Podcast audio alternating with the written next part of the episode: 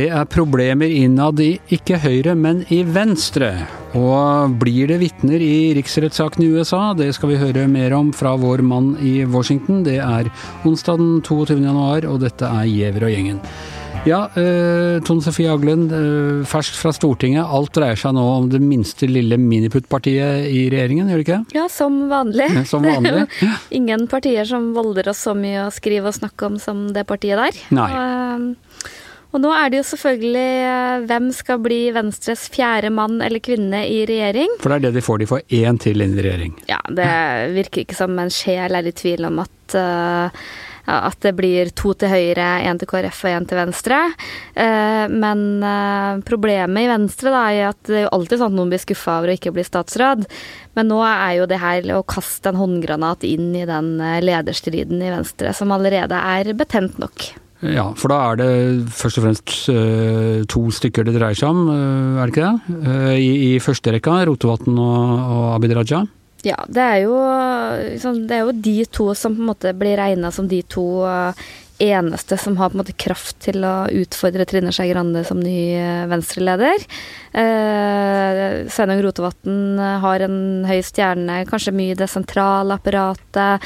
I Unge Venstre har jo lenge pekt ung, på liberal smarting. Som, ja, ung, liberal smarting. Eh, morsom, eh, intellektuell. Eh, veldig debattsterk har mange kvaliteter. Uh, mens Abid Raja da, er jo på en måte den andre. Han er Mer en karismat, karismatiker, på måte. Ja, han er ikke veldig populær i de miljøene hvor Sveinung Rotevatn er populær, men desto mer populær på grasrota og veldig mye blant vanlige folk. Veldig dyktig til å snakke med folk Ganske populær blant mediene nå, vi er glad i å intervjue Abid Raja. Absolutt, og det er jo måte hans både styrke og svakhet. Han er veldig flink til å få oppmerksomhet, både om Venstre og om sin egen person, men Av og til hadde det vært lurt å være Kanskje ikke uttale seg Han blir jo også oppfatta som en løs kanon, og det er mange, mange frykter på en måte hva kan han gjøre hvis han blir venstreleder, men mange er jo også litt sånn nære med skrekkblanda fryd hva han kan finne på hvis han blir statsråd. Eh, Hanne, hadde det vært lettere for Venstre å ikke få en eh, statsråd til, og heller bare liksom bevare det som det var nå? Akkurat nå, kanskje nettopp det Tone Sofie er inne på, at vil, mange vil lese det inn i den pågående maktkampen og landsmøtet som da er om ikke så altfor lenge. Ja, for dette blir liksom å peke på etterfølgeren, det når Ja. du, den du velger nå. Og så er det noen som sier at hvis, hvis man tar inn Abid Raja i regjering nå, så vil han kanskje nøye seg med det. Hvis han ikke kommer inn denne gangen heller, han har jo alltid ønsket å bli statsråd, om han da blir så oppgitt og opprørt at han da vil faktisk prøve å stille til valg mot Trine Skei Grande. Og han har jo, som Tone Sofie sier, bred oppslutning ut i landet. Så at eh, Trine Skei Grande står kanskje overfor valget ta han inn med alt det innebærer av løs kanon på dekk og, og, og få han innenfor. Eller å stenge han ute, men da risikere å få han mot seg og kanskje vippe av venstretronen. Men hva risikerer man ved å utestenge Sveinung Rotevatn? Hva er worst case scenario der? Han vil jo ikke gå banana, sånn som man kan mistenke at Abid Raja kanskje vil. Nei, nemlig. Men jeg tror nok at det er å vekke litt uh, sovende bjørn. Eh, for han uh, ligger jo mye lavere og utfordrer ikke på samme måten og er nok strategisk smartere. Eller altså, kanskje ikke nødvendigvis bare han, men han har jo mange støttespillere som har ivra veldig lenge for han uh, i mange år, egentlig. Og jeg tror nok at hvis man kun slipper inn Abid Raja, blir nok det oppfatta som en provokasjon som nok vil eh, gjør at mange der vil utfordre mer, da. Er det ikke noen forståelse ute i dette tross alt ikke så store partiet for det dilemmaet Trine Skei Grande har her? er det ikke sånn at de skjønner at hun må velge det eh, største av to goder eller minste av to onder, eller hvordan det blir? Jeg tror nesten ikke det, for det hadde liksom Trine Skei Grande vært hatt en veldig sterk posisjon i partiet, så hadde på en måte det her vært helt åpenbart noe som partilederen avgjør. Og så kan man jo tenke at det, det enkleste alternativet nå da, var å, å velge en sånn nøytral eh, person som, eh, som ikke For har eksempel, da? lederambisjoner. Nei, Nestleder Terje Breivik er jo en sånn person. Han er jo veldig respektert, ingen har noe imot han. Hans utfordring er jo at han blir jo ikke regna som uh, framtida. Han er jo en, en forsiktig eh, politiker som eh, ikke kommer til å skape de store overskriftene. Eh, så, så, jeg tror liksom at det heller ikke vil bli godt mottatt, for det har jo vært en klagesang i Venstre at de får for lite ut av regjering, har for anonyme statsråder, og, og da vil nok også det ropet komme. Og jeg tror nok ikke at Venstre har noen sånn åpenbare stjerner ute i distriktene som, som de kan hente inn og, og skape ro og begeistring. Hva tror du, Hanne? Ja, nå hadde du en runde hvor folk skulle spille inn hvem de ville ha som ny leder. Var det 300 som kom med forslaget? 360. Altså, det er liksom kravlista til Frp. Du, du ja. bør ikke Så de mener at de har veldig mange kvalifiserte rundt i distriktene, men det ser jo ikke helt sånn ut fra Trine Skei Grande og fra partiledelsens punkt. ikke sant? Jeg tror det er veldig få, hvis du spør lytterne våre, kan du ramse opp ti gode venstrefolk. Jeg tror veldig få klarer det. For greia er her også at man skal samtidig slanke regjeringen. Man skal ikke ha alle de uh litt improviserte statsrådpost når man hadde. Eh, altså digitalminister og, og sikkerhet Samfunnssikkerhetsminister. Samfunns, si, sikkerhet og samarbeid i Europa. Folkehel folkehelse og eldreminister. Ja. De, de, forsvinner. Vi har en leder på det der hvor vi sier at det er tulleposter. Egentlig. De var oppretta bare for å skape ro og for at alle skulle få litt av sitt. Altså, helse og, eh, folkehelse og eldre ligger jo helt åpenbart under helseministeren. ikke sant? Samfunnssikkerhet under andre felter. Det er eh, Men det var jo Det hadde jo med hjertesaker for eh, ja, Fremskrittspartiet å gjøre. Ja, så er det åpenbart lette departement å avvikle. Ja. Så men, men, men Kunne du ikke som, fått en sånn liberaliseringsminister eller et eller annet sånn venstrehjertebarnaktig som var litt sånn tøysete, men som en av dem kunne få sitte og bestyre? Jo, og så tror jeg på en måte at uh, det som er på en måte blitt et sånn ekstra dilemma for regjeringa nå, er jo at uh, det er jo mange flinke politikere rundt på Og det gjelder ikke bare Venstre, det gjelder KrF og sånn. Uh, men, men, det å være statsråd, møte, sitte i en mindretallsregjering og møte et et uh, ivrig storting, nå også med Frp, som er, er, på en måte enda sterkere enn det det har vært etter mange år i regjering. Sylvi Listhaug var i gang i morges. Jo, hun er, jo, ja. hun er jo fortsatt uh, olje- og energiminister, men hun var i gang med opposisjonspolitikken på Politisk kvarter ja, og det krever på en måte Det er ikke så lett for lettvektere å gjøre det her. Det krever at du kan Stortinget, at du klarer å svare godt og det er jo litt derfor at Erna Solberg har holdt seg med det som noen mener er veldig solide, men også i overkant trauste statsråder som Monica Mæland og Bent Høie og Jan Tore Sanner i år etter år. For det, nettopp fordi de er så drevne at de klarer det her. Og Det betyr også at eh, alle tre partiene må holde noen av sine aller flinkeste folk i Stortinget, nettopp for å klare å manøvrere i det nye, ganske brutale landskapet som eh, Stortinget blir nå framover. Men du, eh, er, er, det ikke en mulighet til å bare da opprettholde litt sånn det du Det vi på lederplass kaller tulledepartementer? det er jo alltid liksom Du kan alltid finne et område. Hadde det vært en mulighet for Erna Solberg å, å, ta et sånt grep. Holde på f.eks. digitaliseringsminister, og så kan du få inn en til. altså ja, folkehelse, folkehelseminister, så tar du inn en til fra KrF, og så får de begge eh, litt, litt, bedre uttelling enn eh, stemmetallet skulle anse, men man holder fred i den borgerlige leir. Så de tar inn både Raja og Rotevatn, og så løser de case closed? Ja, for eksempel. Uh, ja, jeg tror, eh, jeg tror, ikke Erna er veldig glad i tulledepartementer, eller Hun har jo eh, klart å styre med det en del år. Ja, men uh, nå tror jeg på en måte det bordet fanger, og jeg, jeg, tror liksom å få rydda opp i det der er et stort ønske og også et krav. Og det er jo ikke sånn at jo flere Det er bra at man, man driver litt mer effektivitet i den styringen av staten når Frp, som egentlig har vært de som har ivret mest for effektivitet i, i styring av offentlig sektor, går ut. Men jeg tror jo ikke at det er sånn at jo, jo, flere statsråder du klarer å få inn, jo enklere blir det her for Venstre, eller noen andre partier heller, da. Så det ja, jeg føler at det Men sånn med barna, Men ikke må... nå setter du dem på tanken. Ja, ikke sant. Ja, ja. ja, jeg tenker at dette er litt som med barna. De må få hver sin like store iskrem, ellers så blir det bråk. Kan ikke gi lollipop til den ene og kronis til den andre. Men det er grenser for hvor mye is du kan gi unga òg. Ja. Så de har fått nok nå? Ja. Er det no, er dette, hvor det, hvordan er dette i Høyre og um, Kristelig Folkeparti? Er det noen uh, lignende utfordringer der, eller er de høflige og ordentlige voksne mennesker som ja, det, det, er jo et Venstre er jo, et, er jo et helt eget, en helt egen divisjon, vil jeg si, hva gjelder alt sånt. I Høyre så er de nok uh, høflige, men jeg tror veldig mange er veldig avventende på om uh, Erna gjør den her eh, store fornyelsen som på en måte har vært sånn varsla at en eller annen gang kommer til å skje, som følge av at mange av de som sitter i regjering ikke har verv eller er, er liksom på vei ut av politikken, og at hun skal bygge for fremtida, eller om, om dette kommer for tidlig. Du har jo den uavklarte situasjonen rundt Nav, Anniken Hauglie, det, det, er en del sånne faktorer. Kan vi lese noe etterfølgergreie ut av hennes uh, regjeringskabal nå, eller Høyres uh, regjeringskabal? Jeg tror uh, ikke det. Høyre er nok ikke et sånt parti hvor man sånn, tradisjonelt har hatt nestledere, og det, det, er den nye partilederen.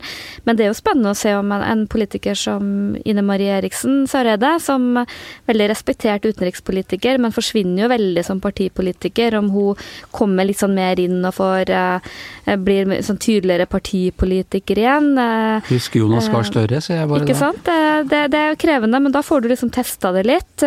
Så er det jo liksom mange snakker om Tina Bru er liksom på, utpekt som liksom ny nestleder, det vet du ikke, da, men mange peker på henne. Da er det naturlig at hun kommer inn. Henrik Asheim er jo en sånn som uh, har en veldig høy stjerne i hele partiet, og som liksom mange sier det er hans tur, men han sliter jo med det. Ung mann fra sentrale østlandsområdet. Verste som synes er godt han, han ikke er over 50. Trønder. han har én ting, at han er under ja. 50, så ellers er han paria. Ja. Men uh, Hanne, er det noe Kristelig Folkeparti kan uh, kan uh, foreta seg? F.eks. For om uh, å få Hareide inn igjen? Er det ja, det er jo det alle spekulerer i nå. Ønsker han selv å komme inn? Han har jo konsekvent ikke svart på noen henvendelser. Han er i Indonesia akkurat nå. Ønsker Ropstad han inn? Uh, mange mener at han er en som kan samle partiet at han på en måte kan bidra til å lege de sårene som ble skapt. Men vil han også bli en slange ved Ropstad? Men vil han også bli en slange, ikke sant. Det er spørsmålet. Så jeg tror Ropstad er ganske tvende sinn om dette. For det er jo ikke så gøy heller å ta inn han som han sto mot i kampen den gangen og som han overtok eh, jobben til som eh, ja. KrF-leder. ikke sant? Så det er, det er liksom det mest snacksy, tenker jeg, med KrF-gjengen. Som vi lærte av gudfaren, at du skal holde dine venner nære, men fiender enda nærmere hvis hvis du skal styre. Det, det, blir spennende å se. Det er gøy så lenge vi bare kan sitte og spekulere helt vilt, og ikke forholde oss til uh... Og så er jo disse politikerne er jo sånn i Indonesia, der er jo Abid Raja, så vi driver jo og tekster og sender og Ja, der har, der har, den type ting blitt enklere enn det var. Når er det på plass? Det var utgangen av januar, sa Erna i går, var det vel? Er det fortsatt en deadline å det vet du ikke, da, men jeg tror at det er litt sånn der, eh, noe røykteppe hun har prøvd å lagt ut. Jeg blir litt overraska om det ikke blir på slutten av denne uka her, for det, hun har jo ikke eh, satt settestatsråder, som ville vært naturlig hvis det her hadde dratt ut. Så nå er jo i prinsippet disse Frp-erne fortsatt eh, statsråder, og så er det noe med det, de prosessene her. Det er ikke sånn at jo mer de driver og legger og ordner og har møter, så blir det noe enklere. Jeg tror bare da kommer du bare til å skape forventninger og få tusen innspill fra hele landet, så jeg vil kanskje tro at vi ser det i løpet av uka, men hvem vet. Du skriver, VG hadde jo en sak i dag om, hvor de sier at, eh, at Erna ønsker å ha det på plass innen fredag. Men om hun får det til, det vet vi ikke. Nei. Eh, du skriver om dette til i morgen, eh, Tone Sofie, eller allerede i dag, for den som er på internettet. Ja, for de, for de hvor internettet har kommet, så håper jeg i hvert fall at den kommer ut i dag. Ja, og det kommer da med en tegning av Roar Hagen, som jeg akkurat har sett uh, før jeg gikk i studio, av Raja Rockers, og den må dere få med dere, mine damer og herrer. Fantastisk. Tusen, tusen takk til dere to. For da over til Washington og til deg, Per Olav Ødegaard. Du fikk en ganske lang lang natt i natt da du skulle følge riksrettssaken der borte? Ja, de holdt på i eh, nesten 13 timer. Eh, startet jo litt sent på dagen, da. Eh, lokal tid, eh, Spania-tiden, og var ikke ferdig før nærmere klokken to i natt. Ja, for jeg våkna til masse sånne push-varsler om at John Bolton blir ikke innkalt som vitne nå, men kanskje senere, og den og den blir ikke innkalt i Og da var klokka sånn seks-halv sju her eh, i morges. Ja. Eh, det ble en ganske langvarig seanse som egentlig skulle handle om regler og prosedyrer og hvordan denne saken egentlig skal føres eh, i, eh, i Senatet. Men så kom jo da demokratene med en rekke dokumenter de ville ha frigitt, og også vitner som de ville da stille for, for Senatet. Nye vitner, nye dokumenter som ikke tidligere har vært er, er, er lagt fram, eller, eller vitner som man ikke har snakket med. Men jeg, jeg har ikke helt skjønt. Det de, I første omgang kjører de ikke vitner og disse dokumentene, men det er åpent for at det kan skje senere? Ja, altså eh, Republikanernes eh, flertallsleder eh, Mitch McConnell han var jo veldig tydelig på at nå skal man bli enige om reglene først. og Det innebar at man ikke skulle ta stilling til dette spørsmålet om, om vitner, og, og, at det skulle først komme senere i prosessen. Så har jo da demokratene presset fram en diskusjon om det på første dag av riksretten. Men det ble nedstemt hver gang, og da stort sett da med 43 Nei, med, med 53 mot 47 stemmer. 53 er det som republikanerne har, det flertallet de har i Senatet. Og, eh, men det betyr ikke at man ikke på et senere tidspunkt kan uh, komme til å innkalle vitner. Men nå skal uh, først uh, Men er det noe som helst grunn til å tro at republikanerne kommer til å ombestemme seg? Si at nå er det greit med vitner, når de ikke ville, ville si ja til det med en gang? Det, er eh, kun, eh, det trengs kun fire republikanere. Hvis demokratene står samlet, så trengs det kun fire republikanske senatorer. Som, eh, og flere, har, flere, av disse har sagt at de ønsker å høre vitnemål uh, fra noen av disse som sto, nære medarbeidere av presidenten, som uh, ikke ble tillatt å vitne i, når Kongressen hadde sin gransking av saken. Det var jo da Det hvite hus som nektet til å gjøre det. Men hvis eh, republikanerne, disse fire republikanerne eller fem republikanerne ønsker det, hvorfor stemte de ikke for det nå i natt? Fordi de valgte å følge partilinjen. Eh, Mitch McConnell eh, ga litt medhold med å endre litt på det ganske strenge og raske prosessen han hadde lagt opp til. Fordi noen av hans egne protesterte. Da lot han demokratene få en ekstra dag, og Trumps forsvarer også en ekstra dag til å framlegge sin sak. Og tillot også at dokumenter fra Eh, fra representanthuset ble tatt inn eh, i, i Senatets eh, saksdokumenter. Han ga etter på noen punkter der, men så oppnådde han samtidig å holde gruppen sin samlet. og Det som er helt vesentlig for Mitch McConnell, å holde republikanerne samlet i hvert fall så lenge som mulig. Folk som Senatorer som Mitt Romney eksempel, har sagt at han kunne godt tenke seg å høre vitnemål, men at det, tid, at det kan man ta på et senere tidspunkt. Jeg vil først se om eh, en ukes tid, det, eller kanskje litt lenger også. Hva skal skje i uh, Senatet i dag? Nå starter demokratene med å fremlegge sin sak mot uh, Donald Trump. Uh, og Det har de tre dager til på seg for å gjøre.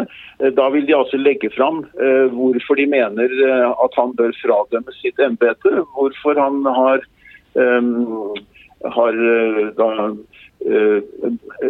sviktet sin tillit, eh, og at han makt, makt, altså maktmisbruk, og også det at han har hindret Kongressen å gjøre sitt arbeid. Det er det som er de to tiltalepunktene. Dette skal de i detalj gjøre rede for.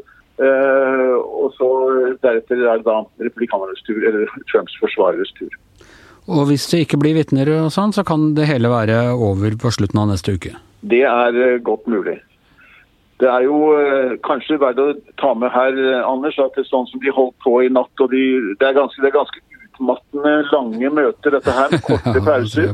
Og det var på et tidspunkt at det ganske, det var ganske sterke karakteristikker, ganske tøft språk til å være i Senatet, hvor man liksom skal ha en eh, litt ærverdig tone. Men på et tidspunkt her ved ett-tiden natt så måtte da dommer, som er høyesterettsjustitiarius John Roberts, gripe inn. og og, be, og, og, og sa til eh, representantene for begge sider at husk hvem dere er, og vend tilbake til en sivilisert samtale. Det var etter en ganske hard duell mellom uh, Jerry Nadler, som da representerer demokratene, og Patsy Palone, som da er advokat for Trump.